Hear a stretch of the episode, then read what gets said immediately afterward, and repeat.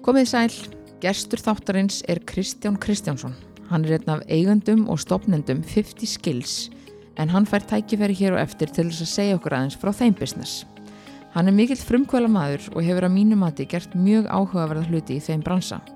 Við hittumst hérna í podcaststöðinni og rættum meðal annars ferilinn hans, þessa frumkvæla hugsun sem er svo drífandi og svo auðvitað 50 skills sem sér hefði sig í að gera ráningaferlið í hildsinni innfaldra og sjálfvirkara. Og ég veit ekki með ykkur en þetta hljómar einstaklega vel fyrir mér.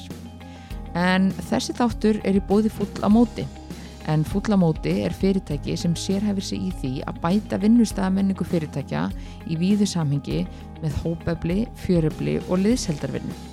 Þetta er tilvæli fyrir starfstaga eða annars konar uppbrott í hinn mennilega vinnudag og ég mæli eindreiði með því að þið kíkja á heimasíðuna fullamóti.is og fáið fyrir ekkar upplýsingar.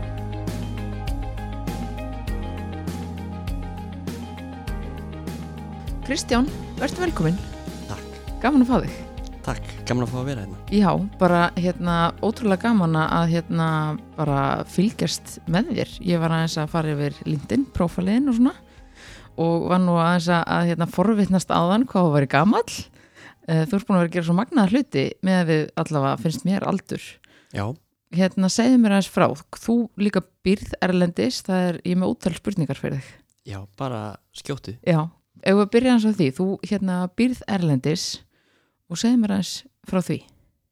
Já, ég sem sagt bý í Boston. Við hérna fjölskyldan fluttum þanga fyrir uh, þreymur árum og það byrjaði þannig að kona mín uh, fór í nám í, í, við Harvard, svona mid-career nám heitir þetta og hérna þá tókum við þessi ákveðin að flytja þanga og það vildi svo til að á sama tíma þá voru við komin á stað með svona viðskipta hugmynd á svona fyrstu stegum og, og hérna, ég var endar á þeim tíma að vinna fyrir fyrirtæki sem heitir Meninga uh, sem margir kannast við um, og, en svona fljótlega eftir að við fórum út að þá, þá þróast við það að, ég hætti vinnu þar og, og ákveða að stofna með degi fyrirtæki. Og þegar við fórum til Boston þá var svona maður með ákveður hugmyndur um að gera fyrirtæki hvað sem er. Og þá var alltaf draumurinn að hafa svona annan fótinn um, í að minnstakosti einni borg í bandaríkjunum. Og Boston var eina af þeim borgum á þeim lista þannig að þetta hefnaðist bara gekk mjög vel og vorum spennt að fara út fyrir þetta verkefni Ok, frábært. Við fáum kannski að heyra meira á dýftina um þetta fyrirtæki sem þú stopnaðir ekkert mál en hérna, en uh, mér langar kannski líka svo bara að byrja á byrjunni. Segðu mér eins bara frá starfsferlinu þínu. Þú hefur unni mikið við svona frumkvöla starfsemi. Já, ég hérna það var svona uppsprettan af því var held ég hérna svona kringum kannski árið 2006-2007 þegar að hérna það var nýtt félagstofna sem heitir Innovate og þetta er Innovate nýsköpunar og frumkvölasettur og vinnu minn Andri Heiðar og Magnús Mára og Stefania þau voru hérna hópur sem ákvaða að stopna það en það tengdist mikið því sem var að gerast í stúdendapólitíkinu á þeim tíma og fólk var að tala um það að það vantaði einhvern vettvang fyrir fólk til að fara sem er viðskiptahumdir sem vildi taka þér lengra. Og þarna í rauninni var bara svona kom þetta áhugasvið algjörlega í, í ljós og, og, hérna, og maður bara sökk sér alltaf dýbra og dýbra ofan í það hvernig verðmætti verða til. Uh, hvernig verður allt sem við sjáum í kringum okkur til? Það verður í vilt þannig til að einhver fær hugmynd hvort sem það er uh, einstaklingu sem ákveður að hrinda henni framkvæmt sjálfst sjálfur eða er innan þess fyrirtæki sem hann starfar eða stofnunar. Og bara kortleggja þetta og skoða hvað hefur gett ekkert um tíðin sökka sér í það, það var svolítið uppspettan en á- ástæðan fyrir að það fór á stað var kannski fyrst og fremst að vandamáli sem var til staðar. Á þessum tíma þá upplýði ég svolítið þannig að, að fólkið í kringum mann sem var að reyna að koma einhver á stað það vissi ekki nákvæmlega hvert átt að fara og ef það, ef það fór á einhver ákveðna staði þá fannst því leysögnin kannski ekki vera eins góð og, og mögulegt að vera og þannig kom þessi hugmynd að búa til vettvang þar sem að væri kannski að hugsa meira svona eins og lestastöð þar sem að fólk sem kemur, er með viðskipta hugmynd uh, fer á þennan stað og það sem staðurinn gerir er að senda fólk áfram til þess sem veit mest um málið. Þannig að ef að einhver var til dæmis með viðskipta hugmynd sem snerist að uh, tengd einhverju heilsutengdu um, að þá ætti að finna hverjir eru þá helstu sérfræðingarnir sem hafa gert eitthvað í okkar næri umhverfi sem við getum tengt viðkomandi við og það var hugmyndafræði sem var alltaf bara stærri og stærri og ég held að við höfum svolítið hitt á rétta punktin þar að þykist ekki vera sérfræðingar í öllu heldur einmitt að tengja fólki við um, þá sem hafa mest vita þessu í umhverfinu kringum okkur Og hvernig byrjaði þetta eventýra? Þegar, einmitt eins og þú segir, hérna, hittir þetta aldrei kannski rétt, á rétta punktir þarna og, og hérna, svo flott að fá einhvern veginn að ég held að það var ekkert mikið svona í gangi, kannski sérstaklega eins og á þessum tíma náttúrulega. Nei, það var einmitt þannig að það var hérna, það var rosalega mikil eftirspurn eftir, eftir að fá fólkin í bankana á þessum tíma og það voru kannski fáir að, að hérna, að hugsa um það að stofna þetta í fyrirtæki. Já. og uh, það er alltaf ákveð ágefni þegar að einhver ákveðin innaður soga til sín alla þekkingun á staðnum. Og ég tala nú ekki um ef að, ef að sá innaður hreinu síðan og þekkingin kannski næri ekki alveg að skapa uh, aftur greiðlega verðmætti þó að það hafi vissulega sum fyrirtæki orðið til bankarhundsins um, þannig að þetta var mjög áhugaverið tími en það var kannski bara þannig að þetta vandamál kom upp og þá voru hugmyndi hvernig við getum list þetta. Og til að byrja með þá var hugsunin að vinna sem mest með íslensku háskólanum. Þannig að það, það þróaðist þannig að, að hjá Innovate að þá fengum við saman í Háskóli Íslands og Háskólinu Reykjavík. Og fengum síðan samtöku innæðarins og nýskupun að sjá aturlýsins sem á þeim tíma var eini virki fjárfestingasjóðurinn á Íslandi. Til að gera slutafar og í rauninni sitjast í stjórn hjá félaginu og, og komast að því hvernig við getum nú búið til svona rétta um, sé, réttu umgjörina til þess að hjálpa fólki að komast áfram með hugmyndir Mm -hmm. uppálega var það kannski fyrst og fremst gagvart háskólanemundum en það þróaðist síðan síðan meir bara út í uh, alla þá sem hafa einhvers konar viðskiptahugmynd til þess að koma henni framkvæmt Já, einmitt. En þetta er nú stór, stóra stopnarnir og stór fyrirtæki, var ekkert mála að fá þau bara með ykkur lið. Jújú, jú, það var, það var vissulega áskorun en Já. ég held að það sem að hérna, gekk mjög vel svona þetta, þetta fyrir bara Innovate sem í dag heitir Icelandic Startups þess farið ég gennum þróun hvernig það kom til að það ég held að það hafi fengið ákveðna svona sönnuna svona tilvistun með bara góðum verkefnum sem það reyndi framkvæmt hugsunin var að láta svolítið verkinn tala og læra með því að gera þannig að uh, búa til þannig umgjör að fólk geti uh, unnið úr viðskiptahumundunum og tala við viðskiptavirina sem fyrst í ferlinu skili hvað vandamál var til staðar og fá svo svona mentor á aðborðinu. Og við byrjuðum með að gera þetta með verkefni sem heitir Gullleggið og það var svona, ég held að er, er stærsta svona hugmynda uh, viðskipta hugmyndasangjefni í dag þar sem fólk sendir inn hugmynd og, og fær ákveðna endurgjöf á, á verkefni og það byrjaði þannig. Um, en síðan lærðum við að það, að, að það sem var að gerast alltaf elendis í kringum okkur voru, voru fleiri hérna, góða tíðandri verkefnum sem voru svona viðskipta hraðlar og vinnusmiður. Og við, við gerum strax mikið úr því í byrjun að ferðast ellendis og fara á þá staði sem okkur fannst þér að gera áhugaverastu hlutina. Við tengdumst MIT með snemma í ferlinu og við kynntumst verkefni sem heitir uh, Startup Weekend með snemma. Um, og það var bara svona að stíga sín fyrstu skref. Og þetta, þetta Startup Weekend fyrir bara ég kynnti stopnendunum þar nokkuð vel ég held árið 2010 um, í fyrsta, fyrsta sinn Mark og Frank og, og hérna fekk meðal hans Frankina til Íslands til að halda fyrstu svona startup weekend helgin á Íslandi Já, ok. og í kjölfarið var rosalega mikil hérna vitundavakning um það að, að í stað þess kannski að, að hérna að hafa engungu verkefni sem eru þess eðlis að þú kannski vel farið innsendar hugmyndir og umbunar einhverjum fyrir að vera kannski talin álitlegastur að búa freka til umgjör sem er þess að þú bara vinnur að hugmyndinni og reynir að taka hana eins langt og getur og fá sönnun á að vandamálu sem hún sért með sé raunverið vandamál og getur þá leist úr því. Og þetta var hérna mjög áhugaverið tími og, og, og ég fór sjálfur að stýra svona helgum út um allan heim og hérna bara svona snemma í ferlinu bæði hérna allstarum Ísland, Noregi, Svíþjóð held fyrstu helgina í, í Íran. Ok. Og hérna og Það er líka dálítið stort skrif bara eins og fyrir þig. já, að stíga skrefið bara hoppa út úr Einmitt. og taka áhættur Já. og hérna og það var ofbæðslega lærdomsrikt að gera það og finna hvernig hérna hvað maður læri mikið á því að mynda að prófa og, og þarna til dæmis bara svo hugmyndafræði að hanna og þróa hvernig hugmynd getur komið til með að líta út og sína viðskiptavinn í stað þess að skrifa hugmyndina bara nýra blað og halda henni kannski sem algjöru trúnaðamáli og hérna segja einhver frá. Að, að það er algjörlega hérna bara svona nálgun sem var kannski ekki mikið talað um á þeim tíma. Og að jafnvel hérna líka skilja að, að mörg af öflugustu fyrirtækjum í heiminum hafa verið búin til að fólki sem hefur reynd að búa eitthvað til. Það var ekki gengið, þeir læriðu gríðilega mikið. Það var þekking til staðar. Þeir fóru aftur á stað og það verkefni jafnvel varð að veruleika.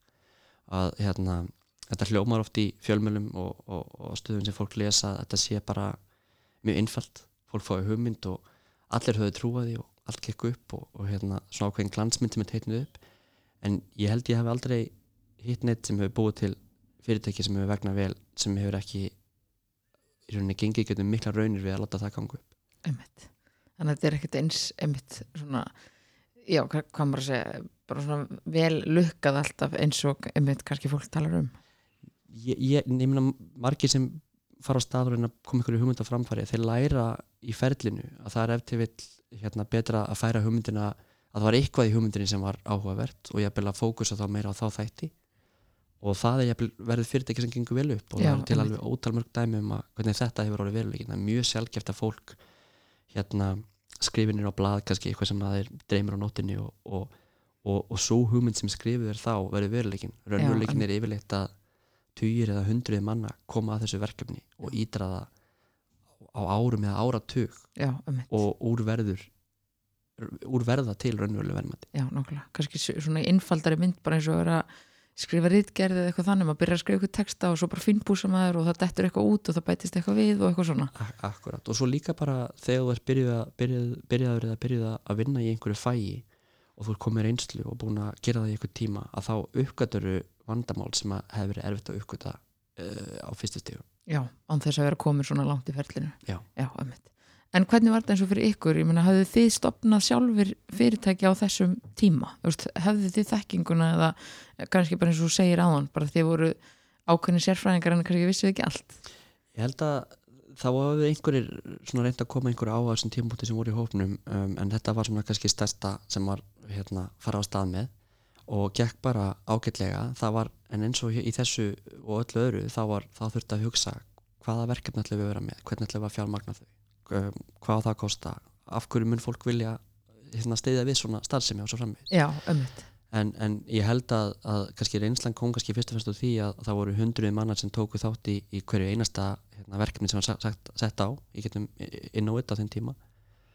Um, og þegar að við stækkum fyrirtæki við, þegar ég tók við þá hérna, Andri var sérst fyrsti frangatastjórun hann hjá Innovit og ég tók svo við á honum. Og þá saminuð þá var eitt af mínum fyrirverkefnum að samina félagið Innovit og klaki eitt félag sem að heitir í dag Icelandic Startups.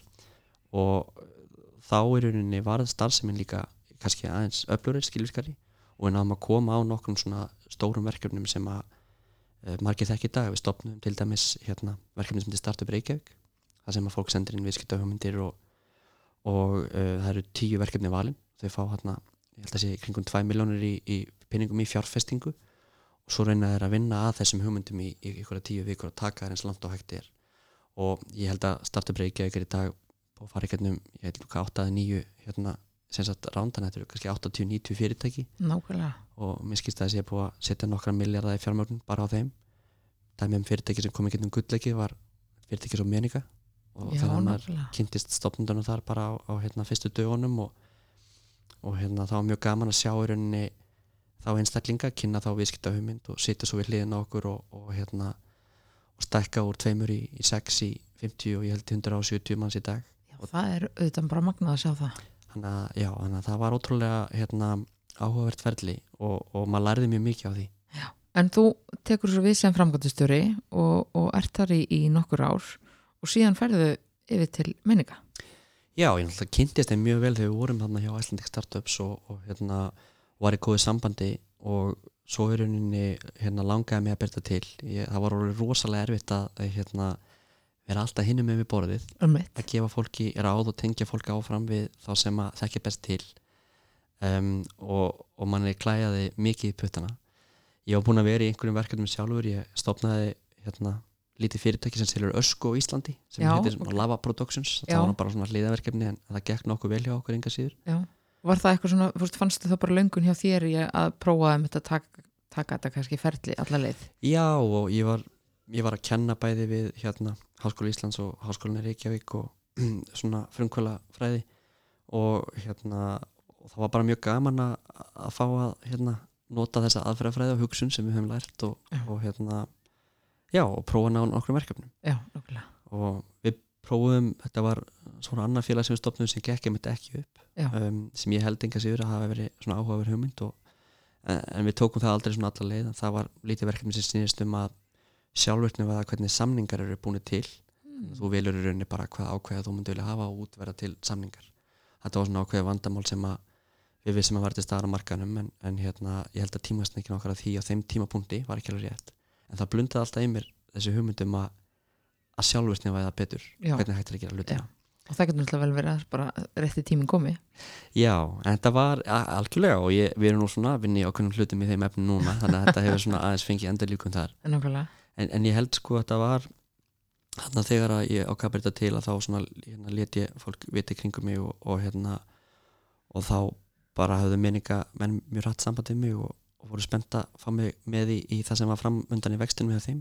Og, og ég held að beinti kjölfarið þá tókum við, það var stór fjármörtun tekið inn hjá meninga og ég held að við höfum ráðið átt í 60 manns á átján mánuðum í kjölfarið. Vá, það er svakalega fylgdi. Þannig að það var mikill vöxtur og, og hérna, við skrifstór mörgum löndum, Já. það var hérna opt, það var, Já, þeir eru nú alveg nokkur löndum. Það fjórum eða fimm löndum. Já, bara, ég held nú bara í síðustu viku var tilkynntum tvær nýjar skrifstofur í, Singapur og Spáni að, en, en, en fyrir það var að opna skrifstofur í, Pólandi, London, Svíþjóð Já. Íslandi Frábært. og það var mikið um ferðalög og verið að selja hérna, markasetja og þróa vöru sem er, er notuð af, í dag hátt í 60-70 miljónum manna Já, en komst inn þar sem markastjóri eða við hvað varstu svona aðlega að starfa? Ég, ég kom inn þar í rauninni uppalega til þess að um, þróa svona nýja vörur sem að menninga setja markaðin sem tengist um, svona gagnagreiningum og að nota gögnin betur til að veita fólki persónleiri svona tilbóð og geta það rauninni fengi betri yfirsinu við fjármálin og fengi eins konar tilmælu um hvernig þau getu spara með því að kaupa hérna hjá ákveðnum stöðum. Og svo þróaðist það auðvitað með tímanum eins og, eins og hugmyndir hérna gera. Uh, en við settum á fótinn þá vöru fyrst á Íslandi þannig að ég var í rauninni forðin í framkvæmdastjórn og, og byrjaði á að stýra allir starfseminni hérna á Íslandi hjá þeim. Um, og síðan uh, ég setnaði kjölfari þá var markmið að koma þeirri vöru og hugmyndafræði á fleiri viðskiptafinni erlendis þannig að þá var ég mikið í, í ferðum úti út um allan heim. Já, nákvæmlega, áhugavert. Þú hefur mæntilega lært mikið á, á þessum tíma. Og hefur kannski náða að taka reynsluna úr hérna Innovate yfir til menninga Já, ég held að þetta er svona blanda maður er hérna hjá, hjá Icelandic Startups og, og hérna Innovate og þá hérna þá fekk maður tækifæri til að hitta hundruði hópa með hugmyndir og hérna maður fekk tækifæri til að giska á hverju myndi ná langt og hverju ekki. Og manni tókst það stundum og ekki alltaf. Og það var mjög áhugavert. Já. og það sem stóð kannski upp á því er að fólki sem stendur á baku verkefninu það held ég sé svo breyta sem skiptir mestu máli í verkefninu frekar heldur en hugmyndir sjálf.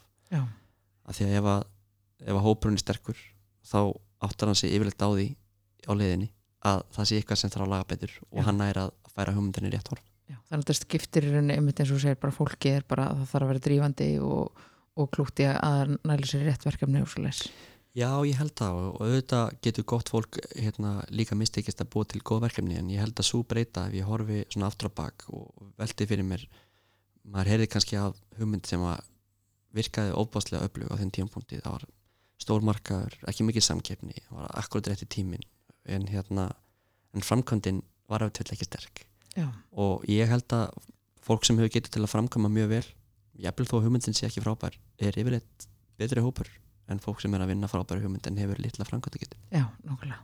Já, þetta er dálítið svona hérna tvist að það þarf náttúrulega að vera bæði þarna með um eitt svona bara ágætis hugmynd og, og fólki skiptir auðvitað miklu máli. Og, og ef hún er báðu þá ertu þá ertu komin í svona já það besta sem finnst held ég. Já, bara good to go. Já. nákvæmlega.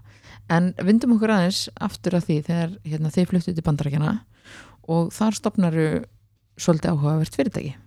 Já, ég sem sagt uh, flytandi bandaríkina 2016 og við erum þarna búum þarna á Harvard campus þetta er svona skemmtilegt svæði og mikið af, af hérna, klára fólki sem maður kynnist sem er að gera áhugaverða hluti þar.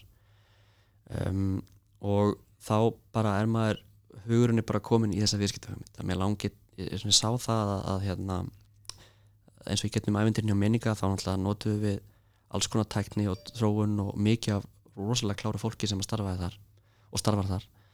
Um, og þá prófaði maður alls konar tól og tæki til þess að hugsa hvernig getum við nú betrum bætt ráningaferlin hvernig getum við hvernig getum við tryggt að ímyndun okkar séu öflug? Hvernig getum við tryggt að við fáum bestu umsækjendur sem hægt er að fá inn og hvernig getum við tryggt að ef við tölum við fólk sem er áhugavert að það hafi áhuga að starfa hjá okkur.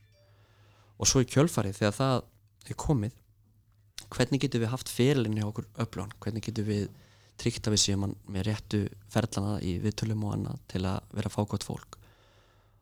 Og þegar þetta gerist þá prófaði maður alls konar tólóttæki maður leitaði af öllum þessum orðum á netinu kiptum ákveðna þjónustur og prófaði mýmislegt og það sem ég kannski tók eftir er að í gerunum sem við vorum í sem fintech gera þá var alveg rosalega mikið af áhugaverðum verkefnum og mikið af fjármagni og mikið af hérna tækni, mikið í gagnagreiningum og, og nýjasta tækni en ég upplýði ekki að það væri sama upp á teiningnum í mannesmál mm. og af því að það var þannig að þá sá ég líka bara og, og hópurinn sem að stóð að þessu með mér, við vorum ekki að ræða um þetta að það sáum við að það var í rauninni mikið sem hún gæst yfirfært úr tækni og, og, og, og tólum sem var búið og byrjað að þróa annar staðar sem að væri alveg öruglega framtíðin í mannarsmál og þannig kannu að koma sér ból á stað og svo auðvitað á einhverjum tímapunkti þá bara getur maður ekki annað en stokkið á þetta og hérna og það var bara mjög mikill skilningur hérna við því hjá bæði hérna fjölskyldu og hérna og hjá minningamennum sem að bara vitti þessu fullanstöðning og og hjálpaði okkur bara að komast á stað. Nákvæmlega, en og segja mér bara hvað, hérna, svona þú ert aðeins búin að segja mér um hvernig hugmyndin var til og svona, ég menna, hafðu þið eitthvað reynslu úr manninsmálum og kannski segja mér eins bara svona frá, bara dýftinu svona svolítið, hvað, um hvað fyrirtæki eitthvað snýst, það heiti 50 Skills. Akkurat, ég get hérna já, það var í rauninni um, ég held að það sem við höfum kannski hort á, sko, hópurinn sem vorum með saman til að sem fór í verkefni þá vorum við að horfa ok, hvað er það sem við þurfum að gera til að hérna, koma svona verkefna stað við þurfum auðvitað að tryggja við síðan með þekkinguna og skiljum vandamálinu og hvað við að gera. Uh, við vorum ekki með mannustjóra sem hafi starfað sem mannustjóri lengi inn í hópnum. Við vorum allir með góða reynsluður hugbúna að gera og að búa til fyrirtæki. Ég hef svo sem verið þarna í stjórnundastöðum og einhverjum stjórnum fyrirtæki á ýmislegt og, og hérna síðan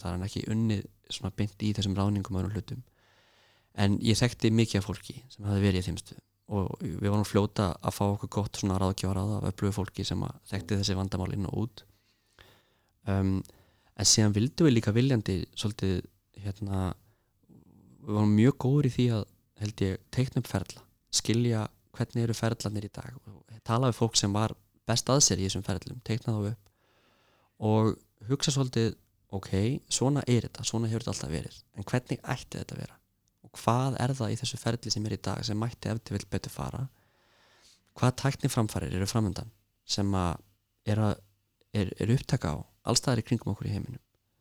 Og er ekki nokkuð líklegt að það sem er að gerast annars þegar í heiminum munur líka að gerast á Íslandi og á fleiri stöðum? Og ég held að það hafi orðið svolítið uppstöðan því að við vildum heldur ekki fá kannski einhvern veginn borð sem segir þetta þarf að vera svona, þetta hefur alltaf verið svona. Já, ömmit heldur líka að hafa tryggja auðvitað að við höfum aðganga þeirri þekkingu og tala við fólk en líka að útlöka ekki að það sé hægt að gera hlutinu öðruvís Já, ummitt. Og hvað var svona sem að, að hérna, komi ljós við ummitt bara bæði þegar þið voru sko þetta sjálfur Já. og hérna við að ráðfara ykkur við aðra, svona, hvað komi ljós að svona ok, þetta er eitthvað svona sem það þarf að gera Já, ég held að stærsta, þetta eru nokkuð vandamál sem fyrir ekki leysin en ég held að stærsta vandamál sem við sáum og var til staðar er að það er í rauninni um, allt á tímafrekt að hérna, nota tólinn sem eru til í dag til að ráða einstaklinga í vinnu. Og það eru alveg óbáslega mikið af svona, að segja, endurtækningum svona, maður sletti aðeins svona redundant tasks sem að fólk þarf að vinna sem er í mannusmálu það snýr mjög mikið að virkun starfsmanna og það snýr mjög mikið af ráningum og auðlýsingum og alls konar aðgerðum. Þannig að við sáum að það takifæri að hugsa mikið óbáslega fyrir mikið tími í að vinna ákveðin verkefni og mikið óbærslega er mikla líkur á því að það verði til ákveðin mannleg mistök og ólíku stöðum sem að í rauninni láta fyrirtækin ekki fá það besta fyrir tíman sem fyrir í það. Það er líka ákveðin að takningframfari sem átti státi heimi sem gera það verkum að, að í rauninni álægið á fólki í mannusmálum er miklu meira heldur en við verið áður. Í bandaríkjónum þá er það þannig að á, á nokkrum okkar viðskiptavinnum og, og bara svona almennar greiningar hérna, og skýslu sína að það er um 250 mann sem sækjum hvert einasta starf sem er auðlist og af þeim er kringum 5 sem eru bóðar í viðtal. Og þegar þú ert með svona rosalega tölur jafnvel þó það var ekki nema 25 sem myndir sækjum hvert starf að tíminn sem fer í bara að skilja ok, hérna, þú ert með eitthvað, eitthvað starfinni bóði um, erum, það er eitthvað ástæði fyrir þetta starfi búið til. Og hvernig ætlum við að fylla það? Ætlum við að auðlýsa á fánum sotnur, ætlum við að í rauninni fara á stað og, og hérna, tala við fólki kringum okkur sem er ef til vill svona, sem við kallum svona passive hérna, candidates. Ætlum við að vera að fá þá til að sækja um þessi störfi, ætlum við að tala við þá mm -hmm. við vinnum annar staðar. Og hvernig er best að búa til umgjör fyrir í rauninni báða þessar leiðir? Því það er náttúrulega ekkit öll fyrirtæki sem geta farið bara að leitað að einhverjum. Þá veist að sögum fyrirtæki eru bara skildið til þess að auðlýsa Já, það eru alls konar al akkurat og ef maður með horfir á eins og ofinbæra aðala og fleiri sem að Mm. gilda alls konar reglur um hvernig þeir farið með þetta þá er við mjög vandað að það sé vandað til verka Já. og svo hafa náttúrulega fleiri reglur bæst við, það eru hlutir eins og bara personumvendalögin og. GDPR og fleira sem að það þarf að tryggja að svona hlutir að ef það er verið að vinna með einhvers svona gögn að það sé þá gert með, með vönduðum hætti þannig að það er alls konar svona hlutir í þessu mm -hmm. En, en það sem við kannski gerðum til að byrja með það er að við hugsaðum ok, eru, við erum öllum ákveðna sín og ég kannski get ekki sagt frá alveg öllu akkurat núna Nei, en, nei. en hérna en svona það sem við erum búin að gera er að við, við þróum kerfi sem er einfalt í nótkun það er að segja að notenda viðmóti þegar þú sérð kerfið og notar það þá er, er hugsunum svo að notendin á að skilja hvað hann gerir á þess að þurfa endilega að fara á djúft námskeið í því. Já, enga síður er virknin mjög öflug tölvört öflugri heldur en öðrum kerfum í kringum okkur. Og eina ástæðan fyrir því er að því að við erum að nota ákveðna tækni einingar sem við setjum saman sem er notuð mikið í nýjastu tækni kringum okkur til að flýta fyrir ákveðnum aðgerðum. Við tryggjum að síður eru ekki endurlaðast um að þörsja og, og tryggjum að þessi ákveðna starðir notaðar í að segja gögn og hvernig hýsingamálum er hátt annars líkt sem að bara einfallega gerir upplöfuna tölvört betri heldur en, heldur en gengur og gerist í mörgur svona forrætum mm -hmm. Og sömulegist tóku við bara eina mjög stóra ákvörðun sem mörg fyrirtæki hérna í getum tíðina eh, áður fyrir, gerðu ekki. Og við ákvæðum það að það var yrði alltaf fyrir ráningar hlutan í kerfinu ein útgafa og það er ekkit ósvipað og gerist með eins og Facebook. Þú ert bara að nota forritið og svo verður allt innu betra betra betra. Þú þarft ekki að hlaða niður nýri útgáfa forritinu. Þú ert bara alltaf með Nei. Nei. og þetta hafa margir hérna, lendi vandræði með sem hafa ekki farið þessa leið að þeir búa til útgáfu og svo láta þeir viðskiptavinnir fá útgáfu 1142 svo er einhver annar útgáfu 1143 og svo kostar að fá nýjar uppfæslur og það verður vesen og, og það hægir á allir þróun. Og, hérna, og þetta er eitthvað sem að bara þau fyrirtæki sem eru að vaksa, vaksa hvað raðast í heiminum er að gera. Þannig að við fórum bara svolítið búið til áskölda þjónustu og við höfum þessi snýra ráningum í vörunni í einni útgáfu en svo jafnframt getum við stilt allt sem tengist svona virkun starfsmanna uh, sérsnið að hverjum og einum kuna og þetta er bara svona ákveðin svona kannski arkitektúr sem við teitnum upp sem er svona erfitt að fara í bara í, í orði. En, hérna, en það hefur hef, hefnast mjög vel í okkur. Ok, þetta er ótrúlega áhugavert. Og hvað svona hérna um, nú er komið kannski svona smá reynsla á þetta hvernig hefur þetta gengið, veist, hvað sjáu þið að einmitt þau fyrirtæki sem hafa kift þjónustuna, það er nú alveg komið nokkur fyrir, þeir eru komið með nokkur fyrirtæki samstarf. Já, við erum hérna, við erum komið með núna hátt í 300 ráningar sem farir tettan í getnum kerfið á hverju mánuði og við erum með hérna 20.000 sem að sækja um starfi getnum kerfið okkur á ári.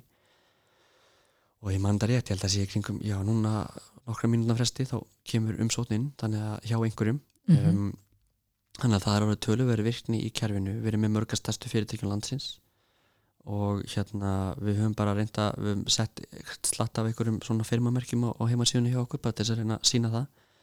Um, en við tókum líka hérna, fórum í gott samstarf fyrir árunu, við, við skrifum þetta samstarfsamning með Advania Mm -hmm. og að því að það var bara mikið að gera hjá okkur og við þurftum hérna að taka svolítið ákvörðun. Allir við að ráða til okkar mikið starfsfólki núna til þess að sinna öllu sem er að gerast eða eigum að fá til okkar samstarfsaðala á ólíkum svæðum í heiminum til þess að vinna með okkur. Og við fórum þarna í samstarf með þeim og það hefur gengið mjög vel þannig að við höfum bæði verið að kynna þetta fyrir þeirra viðskiptavinnum og, og sem hafa verið að skipta yfir í, í þessa þjónustu sem á bara markan með heild. Og þá höfum við rauninni bólmakt til að stækka á þjónustum með stærri hóp. Og um, það er mísend hverju nýtir í þjónustuna en, en ég myndi segja að flest svona fyrirtæki sem eru kannski með 30-40 starfsmenn og fleiri þeir strax fara að sjá verðið í því. Og um leið og starfsmennaveldan verður meiri að þá kemur það strax í ljós. Sumir eru bara að ráða kannski nokkar starfsmenn á ári sem Mhm. sjá hana virðið í þjónustunni. En, en aðrir eru að ráða marga 20 mánuði einmitt. 50-60 mánuði. Og, hérna, og kannski með 30-40 verslanir um all land og það er alveg, hún hefur ákveðna tekni kerfið í að vera bæði með minni og stærri já, einmitt. og, sto og stopnunum, það er ekki bara enga aðlar heldur líka margir ofnbæra aðlar mjög spenntir fyrir þessari þjónustu. Já, einmitt. En uh, segðu mér eins og þegar, þegar fólk fer og sækir um það ferli, er, endur skoðu þið það eitthvað? Því að það svona ég hef allavega oft heyrt svona út undan mér að þú veist, bara æ, það er svo mikið sem maður þarf að fylla út og maður er búin að gera ferilskrá og svo lætur maður hana fylgja með líka. Einmitt. þú veist, skoðu þið það ferli eitthvað sérstaklega? Já, alveg klálega, ef við tökum bara svona aðeins kannski það er svona einmitt hvað hlið svona umsækjandans og svo, end, svo fer þetta yfir til fólks, mannis fólksins Einmitt, ég held að ef við hugsaum aðeins sko hvernig þessi hluti gerast í dag og veltum fyrir okkur, nú gefum okkur að fyrirtæki ætla að ráða einhvern í vinnu, hvernig, hvernig gerist það? Það er yfirleitt einhver svona, að svona triggerpunktur sem maður sletta aftur, eh, eða triggering event, það er eitthvað sem gerist. Það getur verið að það sé verið að stopna nýja stöðu, kannski hætt einhver, kannski þarf að gera breytingar, um, kannski er verið að hérna, einhver ný, ný hérna, viðbröða markaði, það er einhvers konar event sem á sér stað mm -hmm. sem verður til þess að vinnuveitandi ákveður við þurfum að ráða mannsku í þetta starf. Og við tekum ferill sem er afar ólíkur hjá öllum þessum aðalum um, og misgóður. Nú í kjölfari þá er yfirleitt farið einhvern veginn þá leið að það þarf einhver að fá leifi fyrir að ráða þá ákveða einhvers konar starfslýsingu eða hvað við komum á að gera. Mm og í kjölfarið þá er ákveðið að, að gera einhvers konar byrtingar á því starfi. Stundum notar vinnuvetnindin eitthvað ráningakerfi eins og okkar Mhm. til að fá hérna svona tölupettur stjórnun á þessu en minni vinnuvetindur eru ofta að fara beint á svona starfatorksíður bara auðvitað jafnvel í blöðunum eða auðvitað á hérna það er einhver 5 eða 10 starfatork til á Íslandi sem að sér að sé því að auðvitað hérna lista bara störf Já. og borga eitthvað gjald fyrir það þannig að það er misið hvað fyrirtekin gera þannig síðan þegar þetta kemur og, þá, og þetta er allt svona fel sem svolítið hugsaður út frá vinnuveitundar svo kemur rauninni hérna, að því að þú auðlýsir, það sækir einhver um þú ferði yfir umsóknir velur þann sem er hæfastur eða he heppilegastur fyrir starfið um, út frá þeim fórsendum sem eru gefnar og, og svo við komum til ráðin og þegar það gerist en er ráðin að þá sömulegst tekum við þetta ferli sem við kallum virkjum starfsmann og þá er alls konar hluti sem það er að gera eins og skrifundi ráningarsamning það þarf að stopna viðkomandi í öllum kerfum og það þarf að tryggja viðkomandi hérna, kynnist vin, vinnustanum fá ég eitthvað vin á vinnustanum fyrstu vikurnar og fleira. Og, og þetta er alveg tölvert að skrifa og það sem að hérna, auðvitað reynslu meiri menn gerir er að þeir eru búin að skrifa hennar, lista einhvern veginn niður. Þeir velta fyrir sig hvað henda best fyrir sinn vinnustad og svo er hann ídraðið með tímanum. Uh, nú kerfið okkar er svolítið hugsað út frá þessum lista og hugsað hvað er það sem að þarf að stað þegar þessum vinnuveitenda í hverju skrifi og hvernig getum við gert það betur þannig að við tökum bara dæmi um, um fyrsta þrepið þú býr til starf. Kerfið er þannig að þú getur búið til þetta bara starfinn í kerfinu, þú far ráningarsíðu sem er sér hönnu fyrir þig og, og hérna uh, og, og þegar þú ert inn í kerfinu og getur búið til starfið þá getur þú þetta valið að búið til starfslýsingu. En það er líka mælt með að gera aðra hluti sem við höfum kallað svona hvað maður að segja, impact description. Svona lýsing á því sem þú vilt að viðkomandi starfsmæður áorki. Og þetta er eitthvað sem hefur verið að vaxa í vinsældum erlendis þar sem að fólk í rauninni skrifa niður hvað vil ég að þessi starfsmæður áorki á næstu 30 dugum 90 dugum uh, næsta ári? Bara nokkri punktar um hvernig við tátt og í stað þess að binda þið engangu við hvernig mentun viðkomandi eða hvað hæfni verður viðkomandi að hafa að hugsa frekar þetta er vandamálin sem þessi sta- starfsmæður er að leysa í vinninni og þá getur verið að fá umsækjandi með ólíka bakgrunni sem getur komið með ólíka nálganir á hvernig á að leysa það. Já, kannski ekki akkurat mentinu sem veist að leita eða reynslan en samt eitthvað sem að viðkomandi hefur í Akkurat. starfi. Já, og það getur vel verið að kemur mjög ólík nálgun frá eh, verkfræðing verkfræðingi sem myndi sjá að þetta myndi passa fyrir sig eða mannustjóra eða einhverjum öðrum já. það þarf ekki að vera annarkvar að vera réttara fyrir sér Nei, en þetta er ákveðna vittir algjörlega og þetta er líka það sem hefur verið svolítið að gerast held ég að á svona undanförnum árum að það er ekkit alltaf, bankarnir er ekkit bara að leita eftir einhverjum viðskiptafræðingum veist þannig að það er alveg verið að leita aðeins út fyrir þrátt fyrir að mentunin sé ekkit a- alltaf aðalega reynslan eða eitthvað svoleiðis. Akkurat. Og, og, og, og það er einmitt líka hitt að oftar en ekki þá er hérna bara vandræði á vinnuveitundum að það er ekkert endilega til lýsing á þessu vönduð skrifu sem án ákvæmlega er sér stað og ef hún er til þá er raunveruleikin eftir ekki alltaf sá að það er farið eftir því. Og þannig að, að gera svona æfingu hún tekur oft lengri tíma en að skrifa starfslýsingu sem er yfirleitt svona afrið af eldri starfslýsingu en þetta er töluvert svona vandari vinnubröð mínum að þið að ná að lista þessa hlutu upp. Og það sem gerist yfirleitt í kjölfarið er að fólk sem að lesa svona lýsingar uh, að það það veldi fyrir sér, er þetta eitthvað sem ég geti farið í? Og það er svolítið komið með hugafarið fyrir starfismumræðir Já, er þetta bara, er, sko, er, ef ég áhuga á þessu? Akkurat, í staðin ekki bara mentunum mín eða eitthvað þannig sko. Akkurat, í staðin fyrir að læra um starfið, jafnvel í fyrsta viðtali. Það kemur koma fram hefniskröfur, það er ekkit endilega að tekja fram nákvæmlega hvað við komum til að fara að gera. Nei. þannig að þetta er svona ein, ein, ein leið sem er dæmi en auðvitað hérna, sem, sem, sem að hendar og við mælum með og það er alls konar svona hvað maður segja, ráðleikingar og fleira sem við komum með þess að, sem er ekki beint tæknesæðlis en svona kannski aðferðafræði sem mm -hmm. að tengist í líka að taka blöstuna en, en já en, en, en þegar að ákveðin lýsingi koma því sem þú ætti að leita eftir, eftir þá ættu líka auðvitað ákveða er ég að leita starfsmanni fullt starf eða er ég að leita jafnvel að starfsmanni sem að getur komið og unnið þetta tímabunda verkefni ætti mm -hmm. að fá verktaka í þetta ætti já. að fá starfsmanni fullt starfi mm -hmm. og hinga til hefur alltaf hugsunni verið svo að þú átt að ráða starfsmann í fullustarfi en út um allan heim er komið þetta sem heitir svona, hvað maður segja verkhagkerfið eða gig-hagkerfið sem er kallað daily-hagkerfið í Íslandi en það er svona aðeins starrana fyrir það þetta gig-economy og ég held að fleiri og fleiri vinnuveitundur eins og er að gerast úti munu svona ekki alltaf ráða fólki fullstarf heldur einmitt reyna að skilgrina frekar velverkefnin sem umræðir og velja á milli hvort á við þarna en, en gott og vel þegar það líkur fyrir hvernig var á það þá þetta kemur strax og búið að skrifa lýsingar og, og kannski auðlýsingu að þá þarf þetta fólk að vita að það sé verið að lítast þetta fólki. Og það eru marga leiði til þess. Eh, ég held að fyrsta leiðin er auðvitað bara að hugsa að hver gæti mögulega verið staður sem hendar okkur best og með hvaða hætti best að náti fólks. Og gagvært fólki sem er að leita sér að störfum þá auðvitað eru starfatorkin auðlóstaður sem fólk leitar að störfum samfélagsmiðlar eru mjög lítið mál notaðir þannig að það bæði geta fyrirtekin auðvitað samfélagsmiðlum og uh, setja út þar og þá skiptir líka ímyndið miklu máli. Er þetta að nota kerfi sem er hanna til þess að auðvisingi lítið vel út af samfélagsmiðlum? Og það er ákveðin þætti sem er að stjórna í kerfun okkar þannig að ímyndin komi örug út á við. Já. er þetta á réttu tungumáli? Er, ertu vinnuveitandi sem er bara ráða á íslensku mælandi fólk og vilt bara hafa auðvisingar á íslensku? Eða ertu eftir líka með fólk að bergibótið og hvernig getur þú sett starfið út á, á því tungumál sem umræðir uh, þannig að svona einfaldu auðlýsingarnar er bara eitt partur af það uh, hitt sem að hægt er að gera í kerfinu er að láta og fá starfsfólki með í lið. Og það hefur marg sann að segja að fólk sem vinnur einhver staðar það vil vita ef að það er verið að ráði störf. Mm -hmm. það vil vita hvort að það sé ykkur takifæri fyrir það sjálft innan vinnustæðarins um og til þess að ég mögulega bara sækja sjálft um störfin sem umræðir það vil líka vita hvort það sé einhverja lausa stöður til að geta látið fólki sínum svona ringjum vita því sem hann getur verið heppilegt og það er tilbúið að mæla með því.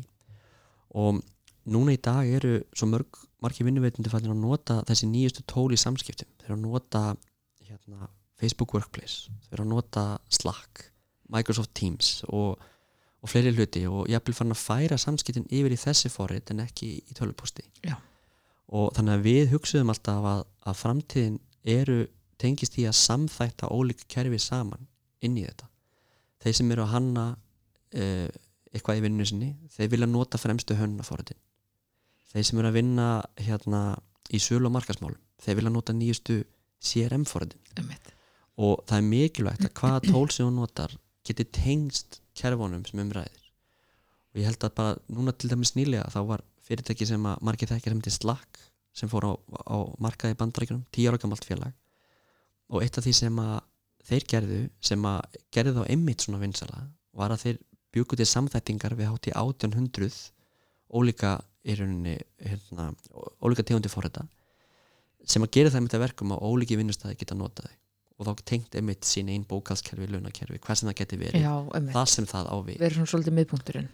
Já, og, og þetta er eitthvað sem að eins, eins og ég hjá okkur, bara við tökum dæmi með samskiptakerfin að þá getur kerfið um leiðu að búa búið til starf það er alltaf val, þá er þetta að sendja að hengja velun á starfismumræðir um, og segja að já, ef að, ef að þú starfsmæður veistum einhvern sem er upplöru starfið um, og þá færð þú hérna einstaka svona slóð sem tilherir þér þú getur deilt henni á, á, á í persónulegu skilabóðum eða í hérna eða á sér þínum samfélagsmiðlum bara eins og, Mhm. þú, eins og hendar þér eða í hópum eða hvernig sem það hendar og ef einhver sækir um mikið eins og slóð og er ráðinn Mm. að þá færð þú velunum sem umræðir Já, ok.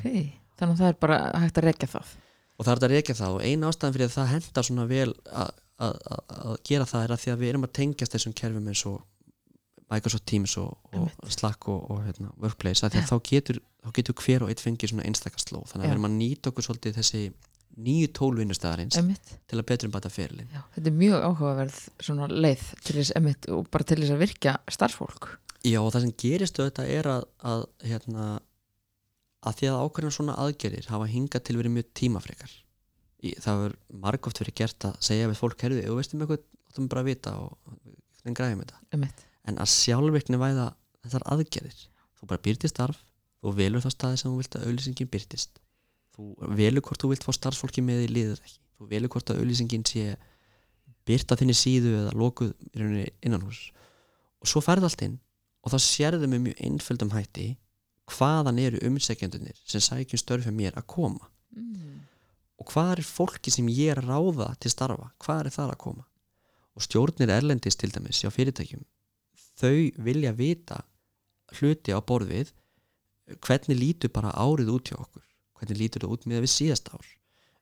Hvað eru við lengi að ráða í óutfylta stöðu, er það breytilegt eftir tímum? Eru við á þeim stað að við þurfum að efla þessi mál?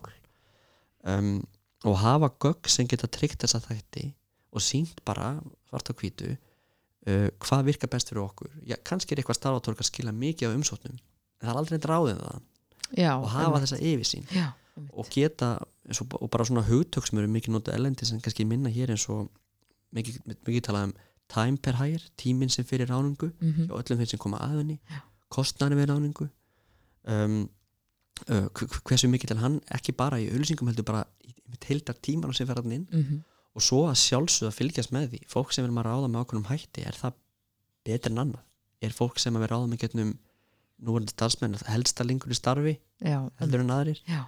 Uh, eða jafnvel ekki og líka bara spurning hvort að samfélagsmiðlarnir séu öflur í þarna hvort það séu mitt fleiri Ah. hérna, umsóknir skellir sér þar en heldur en starfatorkina eitthvað svo leis og líka hvað er heilbriður balans hjá fyrirtækinu eða vinnuveitindarum hvað er gott reysjó hann á milli, viljum við hafa hérna, viljum við ekki tryggja þessi líka ákveðin flóra fólki utan okkar ringja Mhm. komast inn á vinnustæðin og Já. sjá þá svolítið bara hvernig er þetta að koma inn þannig að þetta er svona eitt af því sem gerist þannig að það er heilmikið í því að hvernig þú getur fundið fólki til þess að koma að það inn mm -hmm. um, og svo eru alls konar hérna bara svona fleiri staði sem að hægt að nota þess að leita út fyrir hérna, þessi, hef, þessi hefðbundu tólk sem eru til núna en svo að nýta sér einmitt þess að samfélagsmiðlega auk, auknum mæli og, og reyna að koma bara starfinu út einmitt á sem flesta staði og svo finna með gögnunum Já, hvað það einmitt. er sem virkar Já, einmitt. Þetta er alveg ótrúlega áhugavert af því ég held að hérna, um, sko, það sé bara mjög áhugavert að sjá um mitt hvaðan sko, fólki kemur, Hva, hvar sér það líka auðlýsinguna þú veist, maður sér það oft. Veist, hvar, hvar, hérna, hvar finnur maður auðlýsinguna og einmitt þetta að nota samfélagsmiðla meira, maður er náttúrulega nánast allan daginn eitthvað inn á samfélagsmiðlum sko. Já, og, það, og það er einmitt bara líka sko hvernig ferillin er. Fólk sem er að sækjum störf það er hátt í 50% sem sækjum störf einu farsíma Já, nákvæmlega og sækjum farsíma þá ertu ekki að fara að skrifa neina langa greinar um starfið sem umræðir Já. eða það, það er eftir ekki þannig og Mhm. mikið af upplöðasta fólkinu sem er að velta fyrir sér að sækja störf það hefur eftir ekki mikið áhuga að fylla út alveg langar línur og upplýsingar um allir sinna mentur og slíkt þannig að það að, að tryggja að ferillin sé í takt við það sem umræðir mm -hmm. uh, það eru auðvitað auðvelt ef að vinnuveitindi fær alltaf bara þúsundur umsókna að setja bara alltaf erfiðar og erfiðar síur um að sækja um. Já, og svo fylgtir eftir því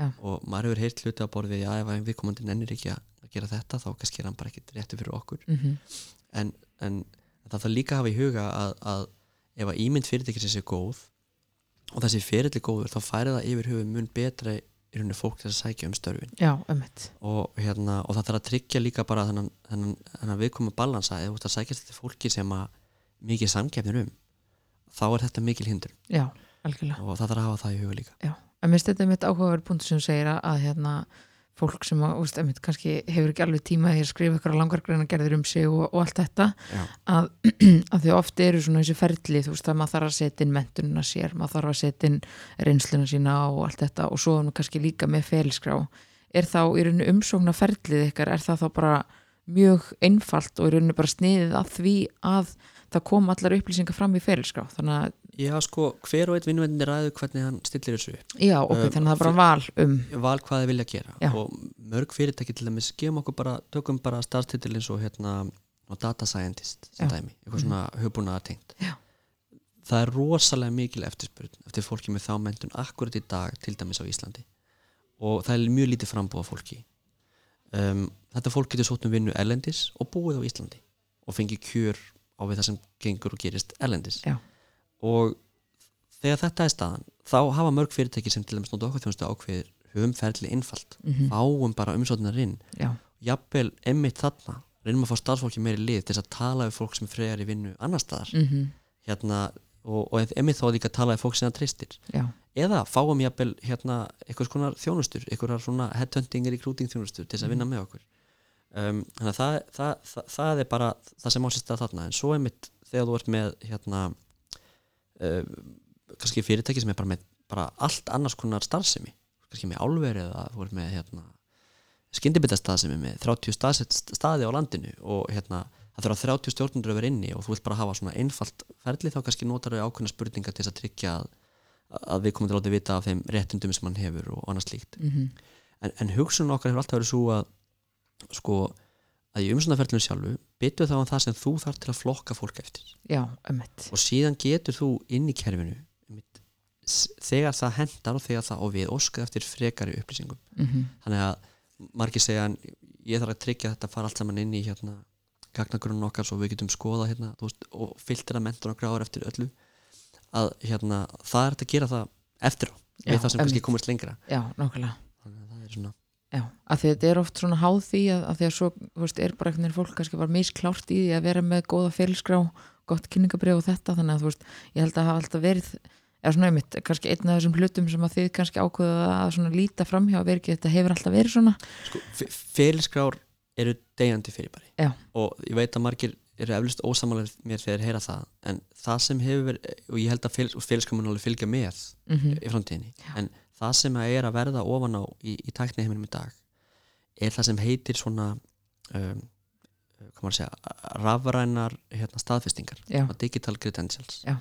þannig að þegar þú til dæmis ferði í háskólanum Mhm. við háskóla eins og Harvard eða MIT eða einhvern stærri háskólanum og fljótlega öllum öðrum háskólum þá myndu fá svona kóða sem að staðfestir að þú tókst ákveðna kúrsa og í þessum kúrsum þá átt þú að hafa lært ákveðna hæfni ákveðna skills Mm. svona þess að gefa kannski smá vísbendingu nafni hjá okkur 50 skills. Einmitt, og þegar að vinnuvitandi er að til dæmis óskæftir fólki með ákveðna hæfni að þá, þá segir ekkit endilega það að við komum til að við starfa á einu stað eða, eða menta sig segjum til dæmis í viðskiptafræði eða lögfræði að hann endilega hafi þá hæfni.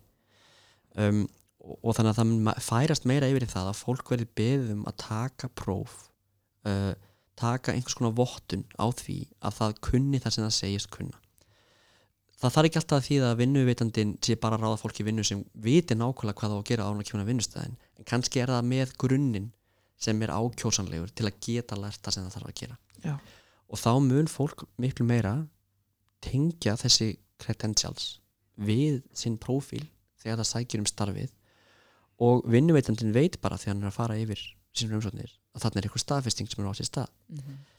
það er ennþá nokkur ári að þetta verði venjan, Já. þetta er ekki algengt En að það er náttúrulega samt svona ein- eins og bara síður, ég, þú ert með svona síðu það sem að bara, í rauninni er bara fyrirskráin þín innan gæsalappa er bara rafræn, veist það er bara heimasíða það sem er bara hægt að skoða hvað þú búin að gera. Akkurat, og þar hefur maður kannski svona meira svigrum til þess að útskýra hvað maður hefur nákvæmlega verið að gera því það er alltaf verið að segja fyrirskráin má bara vera x löng og allt þetta. En, en þarna hefur maður kannski meira svigrum til þess að sína hvað maður hefur verið að gera án þess að það sé eitthvað langlökur sko. Já og sömulegis og, og, og, og, og algjörlega ég held að svona og rafrænar feilskráin og LinkedIn og fleira, ég held að það verði alltaf ofan á og, og auðvitað er erfitt stundum að koma reytuðin texta í einhvers konar svona hérna, auðkynningar en það er að færast miklu meiri auðgana að til dæmis þú sækjum störf á mörgum stöðum erlendis að þá ertu bara be, þá er beðum okkur grunnfærni í alls konar hlutum. Mhm, það getur verið persónleika próf sem hún tekur á einhvern stað og það persónleika próf þarf að passa við einhvað sem fyrirtæki að leitast eftir. Já. Það getur verið að þú þarfst að taka kannski prófi í, hérna, í skrift mhm, og það er eitthvað tölva sem að lesa og greinir hvort að þú svo skrift sé viðunandi. Einmitt. Og sumi vinnuveitundur fara það á þann stað að þegar þú sækir um vinnu mhm, þá ítir bara eitt taka og þú tengir þetta próf við þú getur notað þá öllum vinnuveitundum sem þú sækir um starf hjá. Já. en ef hún erði ekki grunninum þá filterast þín umsókn út. Já, einmitt. Og eins og ég segi ellendis 250 umsóknir á hvert starf mhm, að þá eru þessi filterar notaðir mjög mikið. Já. Þetta er eftir ekki orðið jafn stórt vandamál hér við þetta störum á alþjóðamarkaði en þetta er enga séu þannig að, að við erum að heyra að það eru fleiri umsækjendur að koma og sækja um hvert starf. Já, ég, meni, ég held að það sé bara fyrir eitthvað margir allavega ég með svona, svona stórar stöður eða svona, þá held ég að sé fyrir eitthvað margir sem að sækja, Já, sækja um sko. alveg tímalust og, og það er hérna, náttúrulega mikil vinna sem að fer í að, að flokka það allt saman það er mjög mikið vinna sér fyrir það og mjög mikið vinna í viðtölinn og ákveða hvað eigum við að bjóða mörgum í viðtal. Og þetta er erfitt að hérna, láta svona rafræna umsókn eina og sér, bara umsókn eina og sér segja eitthvað um viðkomandi. Ég held að besta leiðin til að skilja fólk er raunverulega bara að fá það í hérna, helst á vinnustæðin í nokkra mánuði þangar til þú raunverulega skilur hvern, hvort að viðkomandi sé rétti einstaklingurinn starfið. Já.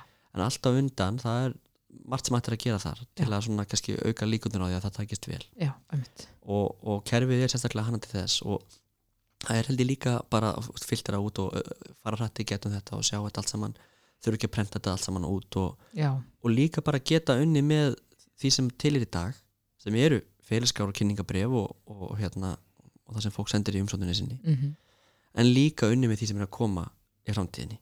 Og, og ég held að það sé kannski stóri, stóri parturinn í þessu þriði kannski parturinn í, í þessu varandi svona að fara yfir umsóknir er að það er að aukast miklu meira að fá fleira fólk á vinnustanum með í þessi, þessi mannöðsmál að fara yfir og samþykja fólkin bæði tengist að hæfni fólks og annars líkt að þú ert Mhm. kannski með sérfræðingar sem þekki bara best til og teimi sem við komandi á að vera í og, og það passa upp á hluti eins og kúltúr. Bara er þetta gott, góð blanda? Passar þetta fyrir okkur? Já, og sömulegis að tryggja þessi ákveðin drifni og svona diversity á vinnustannum að Já. þú sért að hérna, auka fj- fjölga ringjunum sem starfa þar já, og hérna til að bara vera samkynntishæður já, einmitt. En mér finnst áhugavert sko, að því að þú segir að, að hérna, þegar vinnveitundir inn í kerfinu og, og það er verið að hérna, flokka ákveðna þú veist, hvað á að byrtast í rauninni í fyrir starfið uh, er ykkur svona fleiri fítusar þú veist að þú talar um þetta sé einfalt og svona er ykkur fleiri fítusar sem að svona, eru áhugaverðir sem þið kannski svona bættuð inn það, það er til dæmis bara það hérna, svona, maður talar kannski um nokkar svona virknisluta í þessu hvernig þú hefur, getur haft samskipti við umsækjanduna, það er að breytast Já, mjög mikið þannig já. að það geta, hérna, og við erum að setja í loftið mjög spennandi virkni sem tengist í til dæmis, Mhm. að, að einfalda hvernig öll þessi samskipti fara fram og senda hópskilabóð og gera það beint úr kerunum og kannski Já. svona sambarlegt við upplifun sem við notum öll í dag í getnum hérna, síman okkar. Mm -hmm. annað er, er þetta sem við kallum virkun starfsmanna sem er svolítið einstætt við kerfi hjá okkur. Og það er það að þegar þú ætlar að ráða einhvern vinnu að allur sáferill sé meira minna sjálfvirtnavættur eða hlutar í skrifunum er í rauninni sjálfvirtnavættir þannig að gefum okkur núna, ég ætla að ráða hérna, Guðrún Guðrúnsdóttir bara svona til að taka eitthvað dæminab Mhm. uh, að þá er listaskrifun sem þurfa er í stað og úr kerfin okkar er þetta að senda svona virkunabrif á viðkomandi starfsmann Mhm. Það er róska eftir öllum þessum upplýsingum til viðbóta sem þarf svo hægt sé að ráða já, í, í starfið Já. og þegar það er upplýsingar líka fyrir þá getur kerfi sjálfkrafa fyllt út ráningasamning með öllum breytunum sem að vinnuveitundin þarf að fá frá guðrunu en svo getur hann bætt við sjálfur hluti eins og launum og öðru sem Já, að kannski guðrun ætti ekki að fá að ráða alveg sjálf Já. og, hérna, og úrverður bara til samningur. Já. og kjölfæri þetta að senda hann í rafræna undirritun. Já, það eru auðvitað hluti sem að, að hérna, held ég að skipta alveg ótrúlega miklu máli. Af því að bara alls konar svona vinnuvernda mál og svona bara samningar séu réttir, þeir séu undirskrif, skrifaðir undir og allt þetta. Akk og hýstir á réttu stöðum og ef Nákvæmlega. við þurfum að vera útbrendar líka bara hvernig sem því er háttað við- við- við- á viðkomandi vinnustad og svo er þetta bara eins og hjá ofnbærum málum að raukstuningin fyrir ráningunni fara á rétta stað Mhm. að það sé hægt að gefa einhvern með einföldum hætti eða flóknum. Mm með flóknum hætti þá er til dæmis þetta eins og, eins og menn gerir í dag þeir eru að meira minna allir vinnuveitundi sem gera það nota bara Excel-skjöl. Setja bara hellinga breytum niður setja eitthvað vægi á beiturnar mhm, uh, og, og gefa einhvern til því og svona, svo er misjæmt hversu, hversu vel, vel því er fyllt eftir og, og hvort það er allt, saman rétt eigi allt saman rétt við.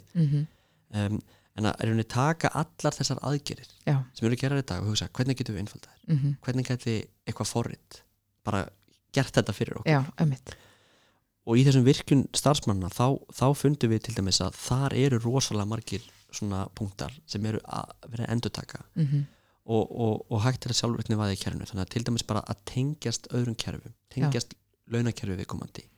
Um, tengjast tímarskráningakerfinu Mhm. tengjast samskiptatólunum sem til staðar mhm, tengjast og búa til aðgerðaskrá yfir alla hluti sem þarf að gera þú ræður eitthvað vinnustannum og hafa þá tól sem bara klárar þessar aðgerðir Já. á einni mínútu Já.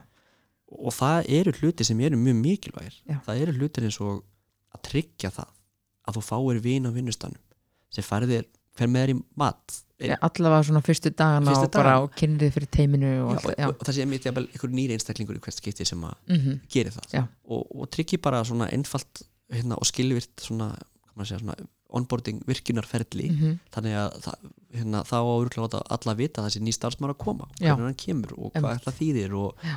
jafnvel fá einhverjur upplýsingar frá viðkomandi sem að hérna, hérna var ekki áhugavert fyrir aðra að vita af Já. og, og þessi kúltúra að, að hérna, gera þetta, þetta þetta er held ég eitthvað sem allir átta sig á en það er oft ekki þannig fyrir að þú setur svona hluti í ferli sem að þeir fara að virka mjög skilvirt mhm, og fólk fer að finna hvernig kúltúrun eflist já, og fyrir að finna hvernig svona, já, svona aðgerir geta bara einfalda líf okkar. Já, nokkula Ég veist hérna áhugaverður, uh, mest þessi punktur mjög áhugaverður og svo líka fannst mér áhugavert með hérna uh, þessar auka upplýsingar sem að fylgja þeim uh, sem er ráðin í starfið. Af því að þegar þú ert að sækja um störf þá lætur ekkert reikningsnúmerið fylgja með eða stjættafélagið eða eitthvað svo leiðis þannig að það eru svona upplýsingar sem að vantar alltaf. Og hérna svo er maður kannski að ringja og það svarar ekki og maður sendir tölvupóst og fær kannski ekki svar fyrir næstu fjóra daga og eitthvað svona. Veist, hvernig byrtist þetta til dæmis þeim sem er ráðinn? Að veist, hvernig, hvað byrt, fær hann tölvupóst eða hvað er það sem að ná, byrtist ná, Nákvæmlega. Og þetta er bara frábæð er þess sem sækir um starf Já. hjá Frá þetta er líka hann- hluti að því sem að te- te- tefur ferlið svo að það vantar þessar upplýsingar og þá er ekki, ef, ef það vantar þessar upplýsingar þá er ekki hægt að skrá hann inn í launakerfið og alls konar svona, þá er ekki hægt að búið samningin svona, er svona hvernig virkar þetta? Já, þetta er bara frábæð punktur. Eins og í kerfinu hjá okkur, það virkar þetta þannig að þegar þú ert búin að taka ákvörðun og segir mér langar til þess að bjóða ykkur um starfið þá getur sendst út, bara sendur upp beint úr kerfinu og hérna, og aftur að senda úr kerfinu, veist, þetta er allt sjálfkrafa útfyllt. Þannig að þú, bara, þú ert bara með einhvern einstakling smellir á hérna, eitt taka í kerfinu og þá fer út uh, póstur á viðkomandi Mhm, mhm. það sem að er bara hérna, óska eftir því að hann bæti við viðbútur upplýsingum til að, til að þú fáið þær. Það er það smeltir á hana þá dettur hann inn í svona einstakka síðu sem er svona, í útliti vinnuveitendans mm með þessu formum, með þessum upplýsingum. Það getur verið leiðbenningar það getur verið myndbönd frá vinnustannum og það eru margir sem hafa farið þess að leiða bara hugsa um þetta að þú ert ráðin í vinnu ykkur staðar þú komst ekki um pólíuna þú varst valinn og um leið og þú ert valinn þá færðu strax þessa upplifun sem er ákjósanlegust sem Mhm. eru þetta bara velkomin hérna eru allar upplýsingar um okkur já, hérna eru myndböndir sem við viljum að horfa á já, hérna eru skjölir sem við viljum að lesa yfir mm. -hmm. okkur hlakka til að sjá þig á mánudaginn klukkan fjögur já, og, og bara þegar þú kemur þá er allt tilbúið fyrir þig og bara hugsa hvernig væri best að hafa þetta og hvernig getum við þá einmitt tryggt að kerfi gerir það? Já, einmitt. og líka bara svo að fólk kannski fái svona pína á tilfinninguna einmitt að fá þetta bara svona beint til sín, bara myndbönd og allt þetta. Og ég, þetta er náttúrulega færist í aukana að fyrirtæki sé að búa til svona myndbönd svona kynningamyndbönd og svona að ég held að það sé ótrúlega gott að fá þetta bara beint í æð og bara vá, heyrði, það, veist, það er eitthvað sem er að býða eftir mér.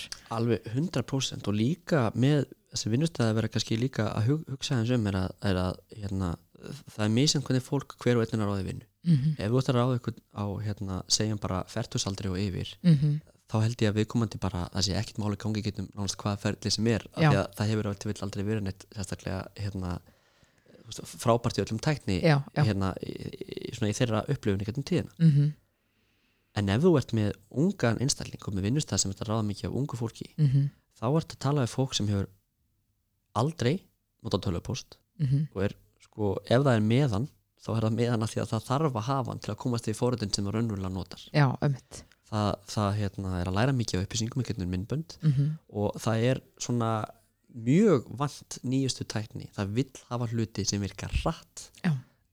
og ef þeir gera það ekki þá bara loka þeir. Já. og þarna er til dæmis bara það að geta bóðið upp á einfalda hluti og hugsa um þetta eins og bara þú sendir ráningasamning og áður en það opna samningin bara á sömu sekund og smellir á hann. Þá opnast vídeo sem spilast eitthvað á borði velkomin til starfa hjá okkur. Mhm. hérna er samningur, já, skrifaðu undir hann. Já, ef ert með spurningar, spjallaðu við okkur hérna hægra megin, það er alls konar svona litli hlutir sem að hérna er svo þjónusta sem að unga kynslu bara reiknar með að setja staðar Já. og verður nánast í hálfgerðu sjokki þegar það er ekki. Já, og, hérna, og það má auðvitaðlega fara rauk fyrir því að auðvitað þetta er bara þetta fólk að þroskast og, og læra hvernig hérna, hlutinni virka í lífinu. En, en, hérna, en það má líka alveg segja að þeir sem breyðast við þessu þeir eru að nýta sér það sem er nýjast mm og það gerir það verkum að þeir munu eiga auðveldra með að finna fólk. Það mun gerast hraðar, það mun kosta minna. Þetta fólk verður ánar og segir vinnu sinu frá því Mhm. og svo framvegis. Já. og þannig að fólk verður auðvitað bara að vega að meta hérna fyrir sig. Algjörlega. Hvenar á að, að færa sig yfir í nútímanlegra og náttúrulega þessi fyrstu skref bara frá þegar þú ert ráðinn og þú kannski byrjar, veist að þessu er kannski fólk að vinna, klára að vinna upp eitthvað uppsögnarfrest og annað sko. Já, að þú veist, það getur alveg liðið ágætist tími þarna á milli, þannig að strax að fá eitthvað svona pínu, svona tengingu og ef með þetta svona þessu litlu hlutinir bara þú veist, þú getur haft sambandi ef það er eitthvað akkurat og, og, hérna, og, og bara veit að við komum allar upplýsingar sem maður þarf að halda á þessum fyrstu skrefum og, og hérna, ég held að það sé, sé líkillinn auðvitað eru margir með alveg búnir að búa til einhverja ferla Já, já, já, það er alltaf bara á einhverjum tímapunkti réttu, réttu tíma til þess að gera þetta. Já.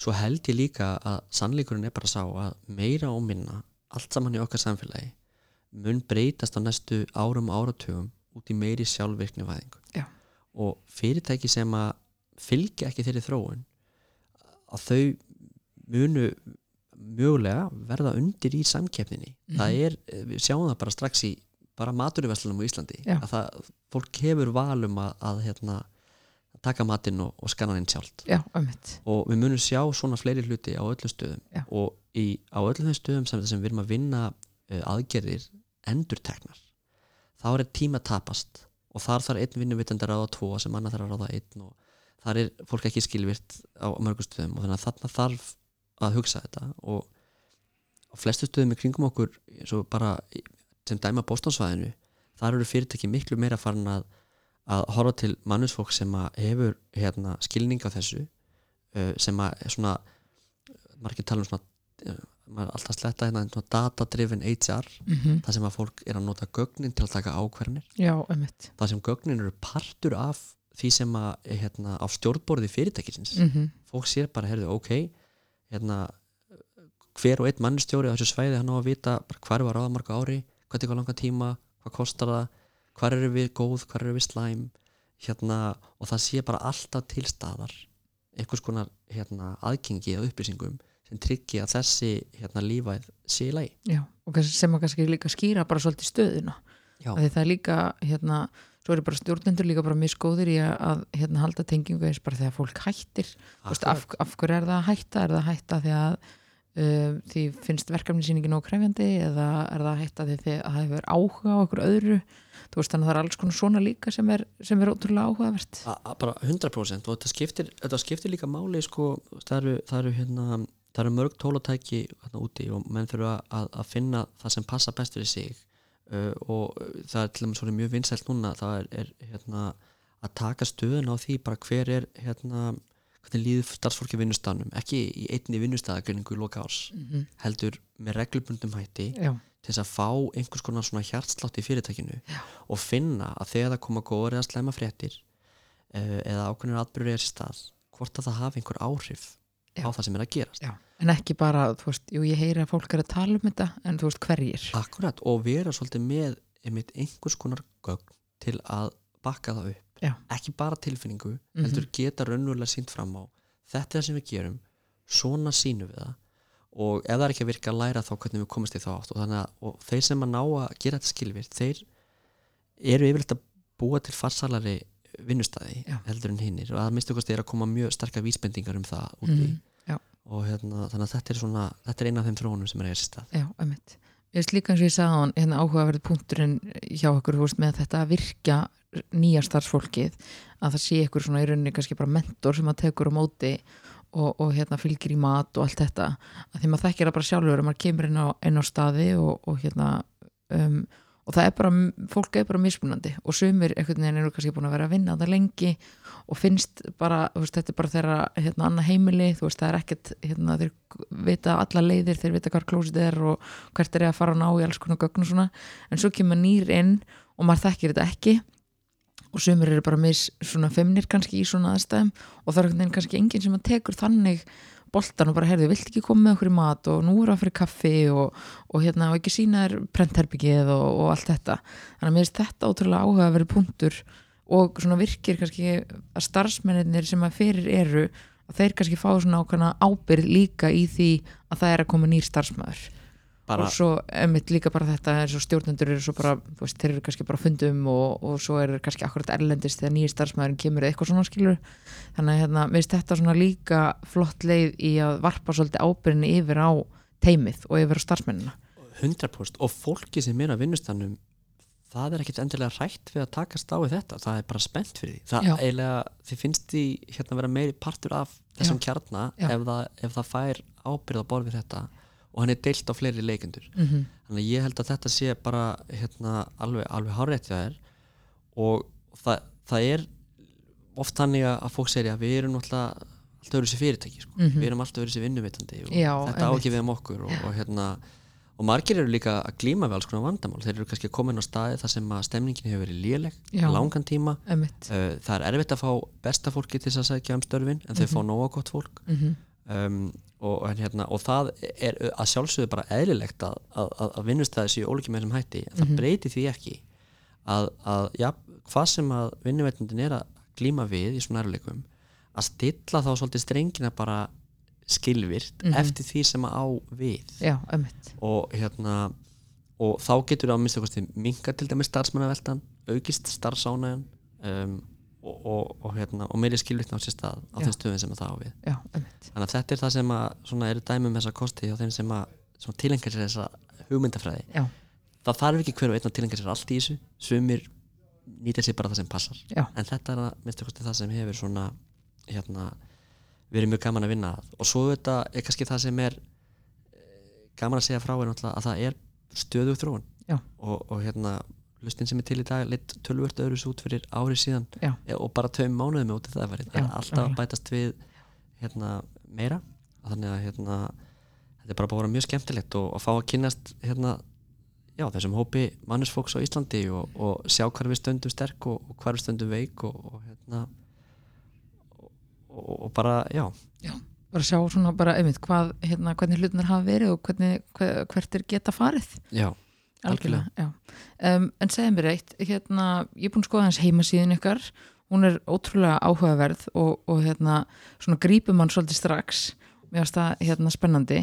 Um, er ykkur svona, við vorum alltaf búin að kannski fara svolítið bara yfir ferlið, bara allt frá því að stopna starfið og, og þangu til ykkur í ráðin er ykkur svona fleiri fítusar kannski í kerfinu sem þetta er í hug svona, Ég held að, já, það er alveg heilmikið hérna til viðbótar sem heldur er þetta kannski að lista allt saman upp en Já. ég held að, ég held að það er allt þetta helsta sem fólki kannski dettur í hug. Þú veist, þú ætlar að ráða einhvern og þú ætlar að láta alla aðra vita. Mm Mhm. senda einhvern og höfnuna posta á alla einstaklinga. Þú Já. getur tengt þetta við forrið eins og workplace og að ef það gerist eitthvað í kerfinu. Þá getur komið tilkynning um eitthvað hafi gerst inn í því trygg, tryggir hluti á borði hérna, að eyða út umsækjandum eftir ákveðin tíma. Um, hjá ofinbjörnum aðlum þá er þetta að senda, senda inn skrár sem að þarf að geima til hýsingar til lengri tíma réttust niðurmátið og það er alveg endalust af svona hlutum Já. og svo eru sér þarfir hjá stærra aðlum sem að við getum komið til móts við Já. en ég held að það sem er kannski bara meira spennandi er að það er eins og ég segi tölvert af, af, af spennandi virkni að bætast alltaf við Mhm. og við höfum svolítið bitið í vöruna með það að reyna að segja sem minnst frá henni ganga til að það er komið en hérna en, en við höfum hérna, verið að fá með okkur í lið því hún nefndir á hann eins og hérna, hvernig áttum við okkur á vandamálunum. Við höfum alltaf Mhm. bæði verið að vinna mikið með að vanja og fá, fá mikið að öllu fólki þar með mikla reynslu já, til að gefa endurgjöf á, á það sem við erum að gera og þróa þetta með okkur. Mm og svo höfum við sömulsur að vinna með okkar viðskiptavinnum þannig að við höfum verið að sittast niður með þeim og verið með nokkra svona þróuna partnera Já, og þeir hafa bent okkur á alls konar vandamál sem þeir eru að glíma við Já. sumt sem er á sérstaklega við um íslenskar aðstæður